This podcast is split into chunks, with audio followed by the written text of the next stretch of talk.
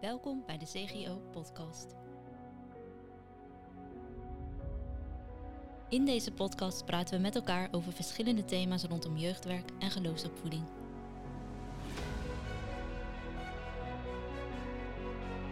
Met elke keer een nieuwe gast, leuke anekdotes en leerzame ideeën. Zo hopen we jou te bemoedigen en te inspireren. Leuk dat je luistert. Ja, zeker leuk dat je luistert. naar Alweer podcast 7 in deze derde seizoen van de CGO-podcast. En wat superleuk dat je er weer bij bent en dat je weer luistert. En uh, ja, ook nu hebben we weer een prachtig onderwerp, vind ik zelf altijd. Want ik ben uh, gek op kinderen en daar gaan we het ook over hebben vandaag. Geloofsopvoeding bij kinderen, hoe werkt dat? Wat doe je wel, wat doe je niet? Hoe ontwikkelt het zich? Welke leerstijlen zijn er? Diversiteit, nou noem alles maar op. Hij zit er allemaal in, hopelijk ook weer met heel veel praktische tips. En daar heb ik alle vertrouwen in, want mijn twee gasten die hier bij mij zitten, die zijn wel praktisch ingesteld allebei. Dus dat moet volgens mij gaan lukken. Allereerst collega Gerianne, hoi. Oh, ik zal je even aanzetten. Hallo. Ja, dat gaat helpen, hè? Het was zo gezellig. ja, precies. Um, wat, uh, wat heb jij met kinderen? Wat ik met kinderen heb? Uh, ja, ik vind kinderen ook leuk. Om, ja, ik heb ooit de PABO gedaan, dus uh, het is ooit leidend geweest in mijn studiekeuze. Ah, kijk eens aan. Nou, mooi. En onze gast van vandaag is Petra, Petra Kiks. Kun je jezelf even voorstellen, Petra? Ja, natuurlijk. Ik ben Petra, ik ben uh, getrouwd, moeder van drie grote kinderen, volwassen, althans ze denken dat ze volwassen zijn. En um, ik ben jeugdadviseur bij Kerkpunt. Kijk, helemaal mooi. En ook in die hoedanigheid veel in kerken te vinden, ook ja. om ze te adviseren over uh, onder andere waar we het vandaag over hebben, over kinderen. Uh, nou, daar gaan we het zo over hebben, maar uh, naar goed gebruik beginnen we natuurlijk eerst met onze ijsbreker-rubriek. Believe it or not. Want jij hebt een verhaal bij je, Petra. En we gaan het deze keer ietsje anders doen, verklapte je net al. Uh, dus we gaan, uh, uh, je gaat een verhaal vertellen en aan ons is het eigenlijk de taak van hoe loopt het af? Ja, klopt. Het is een paar jaar geleden dat ik in de gemeente waar ik als jeugdwerker werkte basiscategese gaf. Dus voor de kinderen van groep 7 en 8. En alle kinderen waren uitgenodigd van die kerk. En op de middag dat het begon kwamen ze allemaal één voor één naar binnen. En iedereen die zei netjes gedag, stelde zich voor en er was één knulletje jaar of elf. En die zei tegen me: Hallo, ik ben die en die. En ik kom maar twee keer, want ik hoef maar twee keer van mijn moeder. Ik zei: Oh, oké. Okay. Ja, zat hij in, dan kom ik niet meer, want ik vind er niks aan. Nou, goed. Oké, ik zei: Dan gaan we twee keer proberen. Nou, hij heeft meegedaan. En um, aan het einde van die uh, deed ik altijd een quiz. Elke week een uh, Bijbelse quiz, 20 vragen, twee teams, moesten ze naar de bel rennen. Er hing een scorebord op. En ik dacht, weet je wat ik doe? Ik maak hem teamkapitein. Dus ik zei, jij bent de leider van het, uh, jouw groep. En jij mag uh, jouw groep leiden met, uh, met de quiz. Nou, zo gezegd, zo gedaan. Hartstikke fanatiek. Hij zegt, maar je hoeft niet te denken dat ik terugkom hoor, want ik hoef maar twee keer. Nou, is goed. Tweede keer, wie kwam er binnen? Hetzelfde jongetje. Hij zegt, dit is de laatste keer, want ik hoef niet meer van mijn moeder. Dat leek bijna een soort mantra. Ja. Ik zei, nou, dat is goed. Weer de quiz gedaan, weer heel fanatiek. Hij een andere teamleider uitgezocht. Hij zegt, want de volgende keer kom ik niet meer, want ik hoef niet meer van mijn moeder. En de, en de, grote vraag is dus, wat, wat gebeurde er keer drie? Keer? Nou, Juist. dat gaan we aan het eind horen. Uh, Gerianne, doe jij eens een voorspelling? Wat denk je? Ik denk dat hij de derde keer is gekomen. Dat hij te fanatiek is. Oké. Okay. Ik denk ook dat je het verhaal niet zomaar vertelt, dus er zal toch een bepaalde boodschap in zitten. Uh, misschien dat hij dan niet meer bij de club kwam, ga ik dan voor, maar wel op een andere manier betrokken raakte nog of zo. Dat zou, zou natuurlijk ook nog kunnen.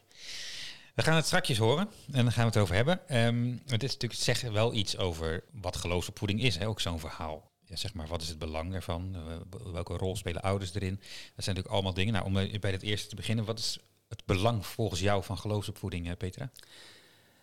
Het belang is sowieso dat als je kinderen hebt, en zeker als ze gedoopt zijn, dat je belooft dat je je kinderen voor zal gaan in het geloof. Dus het is ook een opdracht die je hebt. Het is niet zozeer iets heel vrijblijvends.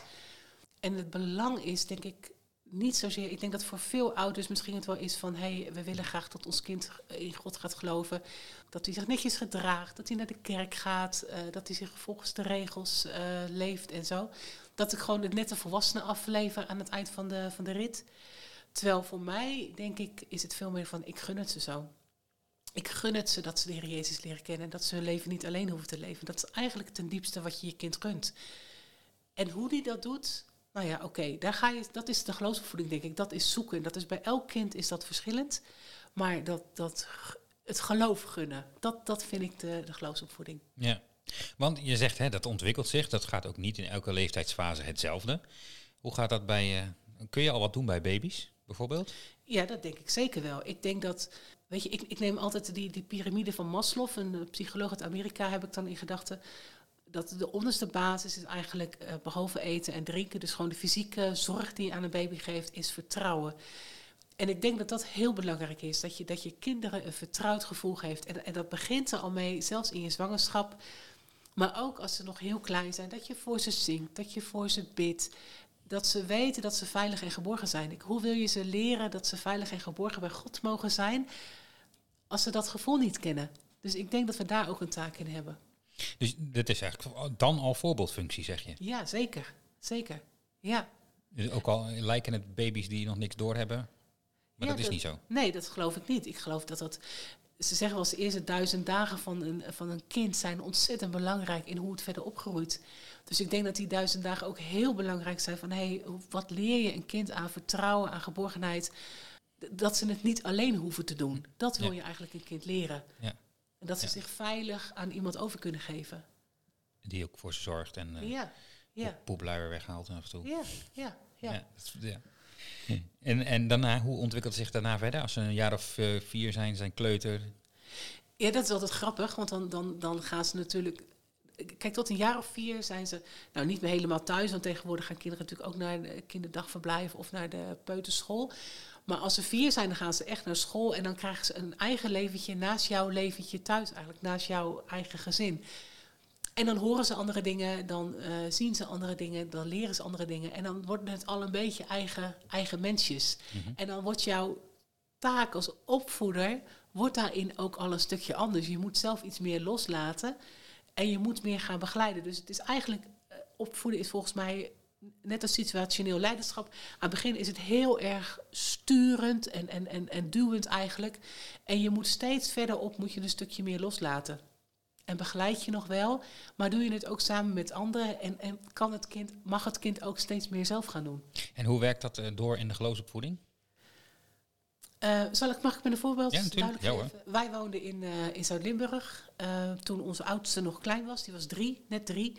En die zat op de peuterschool. Maar in Zuid-Limburg heb je niet zoveel christelijke peuterscholen. Dus die zat gewoon op een openbare peuterschool. En toen was het begin november en toen zeiden wij tegen elkaar van... weet je wat we moeten gaan doen? We moeten het kerstverhaal gaan vertellen. Want als die op school komt, dan hoort hij over de kerstboom en de kerstman en cadeautjes... maar niet het verhaal wat wij hem graag willen leren. Dus ik heb een, boe- toen we even op de Veluwe waren, een boek gekocht met luikjes en het kerstverhaal, bijbelverhaal. En wij hebben bijna geïndoctrineerd, elke avond voor het slapen gaan, het kerstverhaal tegen Job verteld.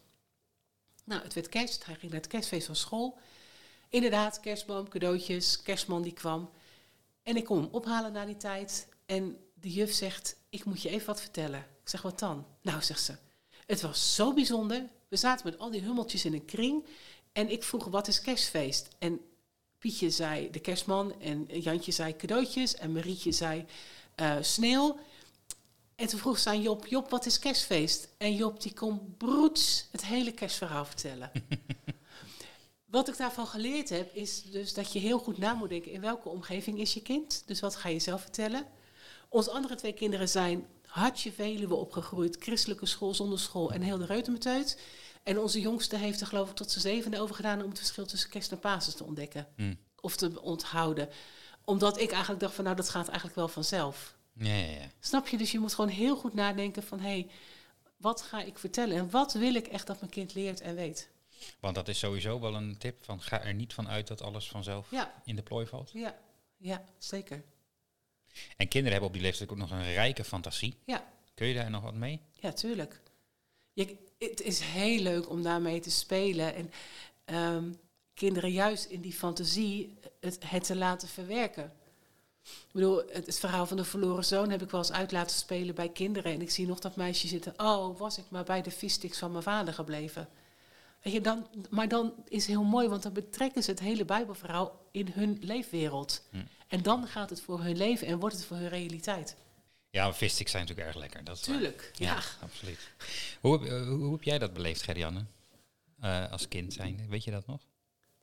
Hoe je ouders met eh, geloof bezig waren en dergelijke? Nou, wat ik, eh, daar heb ik laatst ook met mijn zusjes over gehad. Wij hebben thuis, kregen we altijd een dag in de week waarop je mocht bidden of danken na het eten. En dat mocht gewoon zelf bedacht zijn, of het onze vader. Of op een gegeven moment kwamen we erachter dat in het eh, liedboek voor de kerk ook voorbeeldgebeden waren. Dus toen waren we heel stoer met mooie woorden, zeiden we die gebeden op. Maar de grap is dat in onze tienertijd de vraag op categorisatie altijd kwam: wie wilde met ons afsluiten? Dat bijna geen enkele jongen of meisje uit mijn groep dat durfde te doen. Behalve dat wij dat altijd deden, omdat we dat van huis uit gewend waren. En heel veel tieners zeiden, oh ja, nee, dat doe ik thuis ook nooit, dus dat doe ik ook niet in de kerk. Dus voor mij werd toen heel erg duidelijk van, oh ja, wat je als kind meekrijgt, dat neem je mee ook naar je tienertijd. En het is niet dat je inderdaad, thuis is de veilige plek waar je bijvoorbeeld kan leren bidden. Uh, dat wordt op school ook vaak niet gedaan, dat doet de juf of de meester. Dus vooral veel zelf doen ook? Ja, dat denk ik ja. wel. ja. ja. En het niet erg vinden als het niet gaat op de manier zoals jij het geleerd hebt. Of zoals jij vindt dat het goed is. Hm. Maar God vindt volgens mij veel meer goed van kinderen dan dat wij vaak denken. We plakken er misschien te snel onze eigen visie op. Ja, en vooral onze eigen grenzen. Hm. Ja, nou, dit hoort toch niet, of dat is toch niet netjes, of nou nee, weet je, ja. Maar als dat de manier van het kind is, laat maar. Ja, en laat dat ook maar gewoon groeien dan. Ja. Hey, en dan uh, als ze een jaar of acht, uh, negen zijn, wat uh, gebeurt er dan? Ja, dan worden ze nog meer een eigen, een eigen mensje eigenlijk. Mm -hmm. Want hoe werkt het zeg maar, dan door in de geloofsopvoeding bij die leeftijd? Um, die leeftijd van rond de tien jaar is, is denk ik een hele belangrijke. Weet je, aan de ene kant, ze zitten een beetje tussen tafel en servet. Aan de ene kant zijn het echt nog kinderen die heel veel sturing nodig hebben. Die ook heel veel begeleiding nodig hebben van wat wel en goed is. Dat kunnen ze zelf nog niet altijd of heel vaak niet beslissen. Tegelijkertijd zijn het bijna ook al prepubers die zelf gaan denken en die ook willen gaan experimenteren. Dus geef ze daarvoor de ruimte, maar zet je grenspaaltjes neer. Ze hebben grenspalen nodig tot hoever ze kunnen gaan. Um, en dat gaat over naar, een kerkdienst, maar ook over hun gedachten en, en hoe ze over dingen praten. Het zijn ook een leeftijd waarin heel veel kinderen meer in zichzelf gaan. Dus niet meer dat flap uitdrukken wat ze als, als jong kind hebben, maar meer dat het meer van binnen gaat spelen. En zorg gewoon dat je dan beschikbaar bent. Hm. Dat is denk ik heel belangrijk. En durf grenzen te stellen dus ook. En durf grenzen te stellen, ja. Want dat geeft natuurlijk wel eens, dat herken ik zelf ook wel, dat je soms denkt van... Oh, dat wil je eigenlijk niet. Je gunt een kind uh, alle vrijheid van de wereld, maar dat is dus niet per se altijd goed. Nee, want ik denk dat veiligheid ook grenzen aangeeft. Ook in de geloofsontwikkeling. Hm. Ja. Welke grenzen vond jij vervelend uh, vroeger, Gerianne? Ja, wij mochten niet sporten op zondag. Oh ja. Ja, ze zitten heel leuk bij te lachen. Dat kun je natuurlijk op die podcast niet zien. Maar ja, dat vond je echt vervelend? Ja, dat begreep ik ook nooit zo goed. Waarom dat niet mocht. Want we mochten wel wandelen, maar je mocht dan niet skileren of uh, volleyballen of wat dan. Ja, ja, ja. oké. Dus, uh, Heeft dat nog een bepaald effect gehad dan? Of later? Of heb je, heb je dan niet de neiging bijvoorbeeld om, zodra je dan voor jezelf mag beslissen, dan ga ik het juist wel doen? Nee, want ik ben ook heel loyaal. dus kom ik daarmee in de, in, de, in de clinch. Nee, dat heb ik nooit gehad. Maar wel dat ik, dat ik me toen realiseerde van... het werd ook niet zo goed uitgelegd. Dus dat het ook heel belangrijk is dat je wel weet waarom bepaalde regels zijn.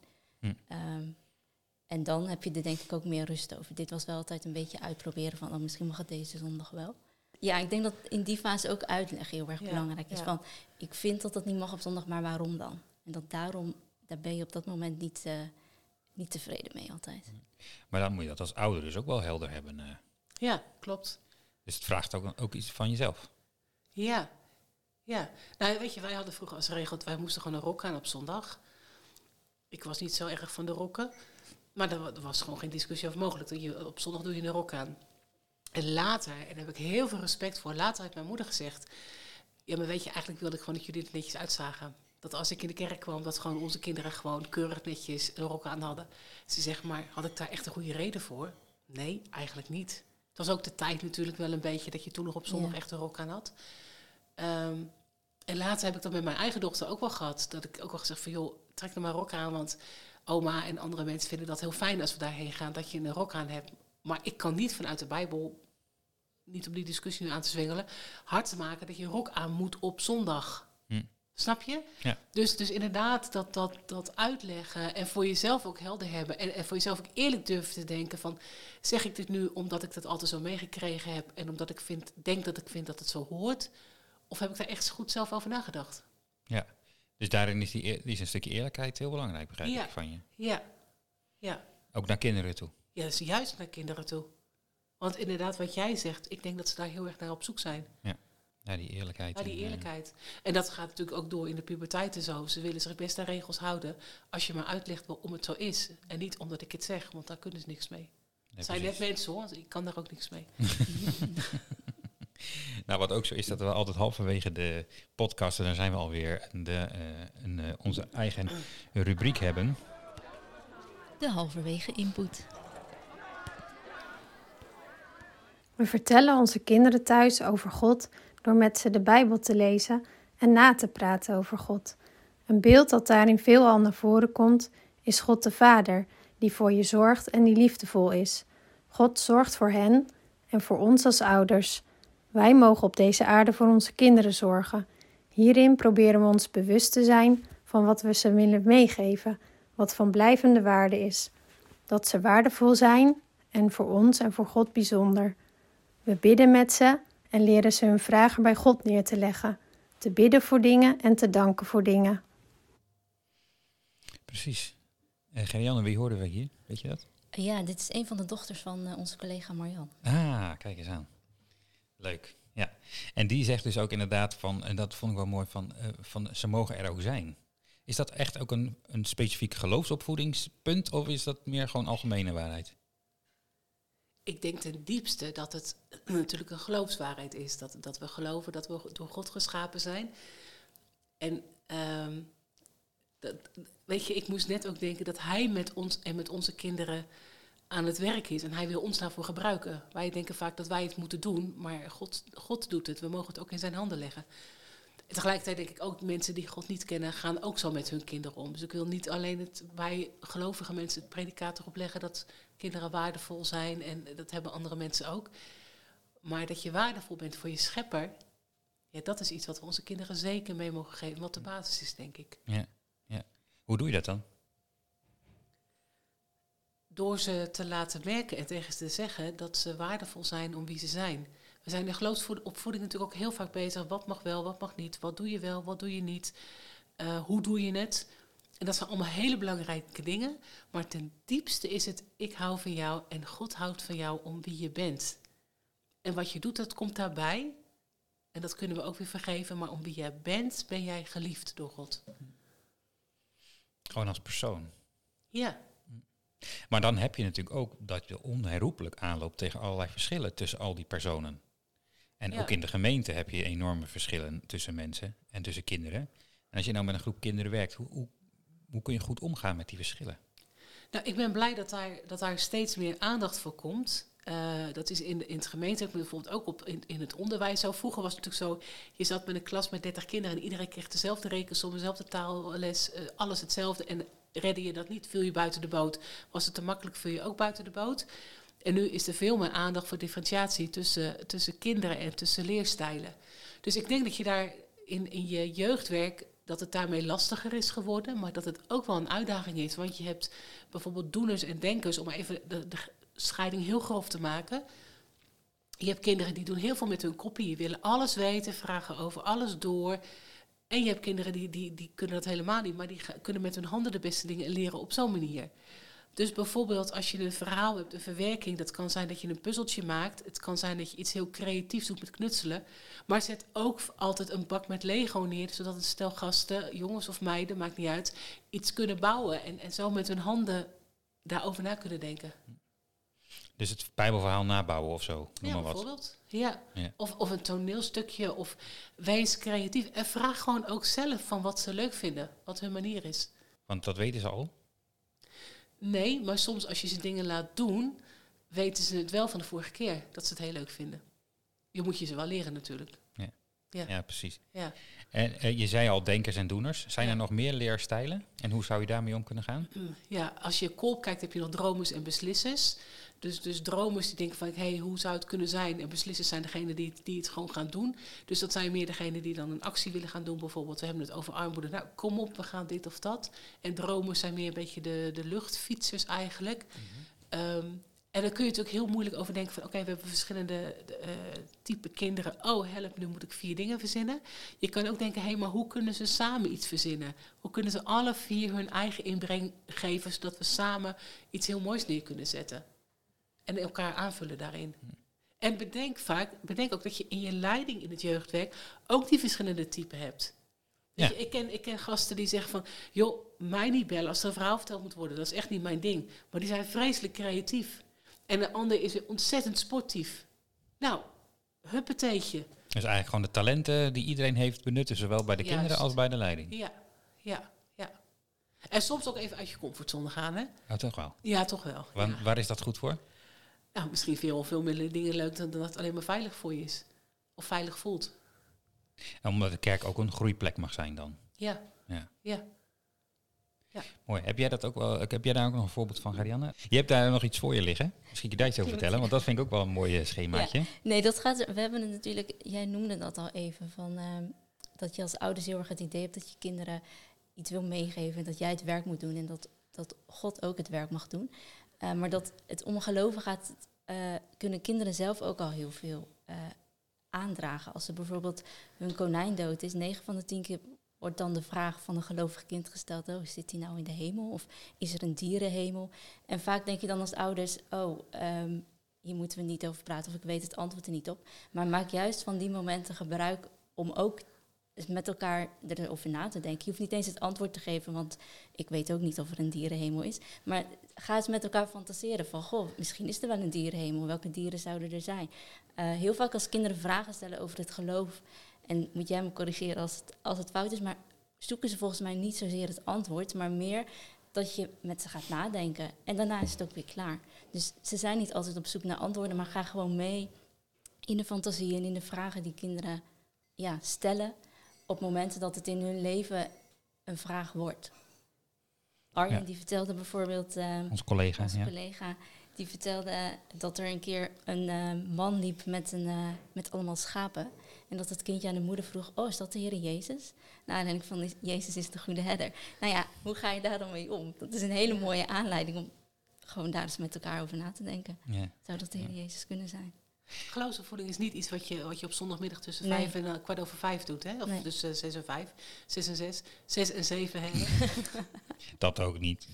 Nee, maar niet van nou we gaan een uurtje in de week gaan we geloofsopvoeding doen. Nee, dat is iets wat gewoon overal door verweven is. En inderdaad ja. aanhaken, dat vind ik heel mooi dat je het zegt. Aanhaken op momenten dat het er is. En, en ook bidden daarin van God wilt u me laten zien welke momenten dat zijn. Want niet iedereen heeft dat zo paraat om nee. nog gelijk uh, daarover door te gaan. Maar, maar God wil je dat ook leren. Want het is zijn kind, het is zijn plan met dat kind en hij wil jou daarin gebruiken. Je hebt het voorrecht gekregen om dat kind van hem een ja, stukje mee op te mogen lopen en te mogen helpen groeien naar uh, volwassenheid. Die taak heb je ook gekregen. Ja, maar wij verwarren taak vaak met iets wat we zelf moeten doen. Terwijl God zegt, nee, ik doe het. Maar ik gebruik jou. En stel je daarvoor beschikbaar. En jou niet alleen, maar heel veel mensen nog meer natuurlijk. Ja, ja. ja. En daarmee ook een taak voor de rest van de gemeente. Niet voor niks wordt in de doop ook gevraagd of de rest van de gemeente daar omheen wil staan. Dus ik denk dat we als gemeente ook een taak hebben om rond ouders, maar vooral ook rond die kinderen te staan. Ja, dus dat is al iets wat je ouders wil meegeven. Heb je nog meer uh, dingen waarvan je denkt dat is goed om dat ouders dat. Uh... Ja, wees eerlijk. Mm -hmm. Wees eerlijk. Weet je, kinderen prikken er feilloos doorheen als jij allemaal dingen gaat vertellen tegen ze en ze zien in de praktijk dat het heel anders is. Als jij altijd zegt van je mag niet boos worden en je wordt zelf wel boos, dan weten ze zich daar geraad mee. Als je zegt van joh, ik ben soms ook boos en ik, ik vind dat heel lastig en ik vind dat moeilijk, maar zoek daar, nou ja, zoek daar dan samen naar inderdaad. Dus wees vooral heel eerlijk naar je kinderen toe. Ja. Uh, dus we hebben eigenlijk al een heel aantal dingen genoemd. Hè, de, de belang van de geloofspoeding, hoe de kinderen zich ontwikkelen door de jaren heen. Uh, allerlei verschillen, leerstijlen, dingen die je ouders wil meegeven. Heb je nou ook nog één ding die er echt uitspringt? Één ding waarvan je denkt, dit is echt... Uh... De gouden tip. God gaat een plan, gaat een weg met je kinderen. En stel je beschikbaar om daarin je door hem te laten gebruiken. Dat vind ik echt een gouden regel. Dat is Want anders loop je vast. Ja. Mooi. Nou, dan willen we eigenlijk nog even één ding natuurlijk weten. Did you believe it or not? Want hoe zat het nou met dat eh, jongetje? Hè? Ja. Kwam hij nou nog terug de, de, de volgende keer? Dat is een grote vraag. En, eh, nou ja, en hoe ging het verder? Is überhaupt? Ja, nou de derde keer eh, kwam iedereen binnen en we gingen beginnen en hij was er niet. Dus ik was eigenlijk al een beetje teleurgesteld. Na tien minuten ging de deur voorzichtig open, toen kwam hij binnen en toen zei hij... Mevrouw, ik ben er, maar ik kom niet voor u, ik kom alleen voor mijn team. Ik ga ze naar het eind helpen.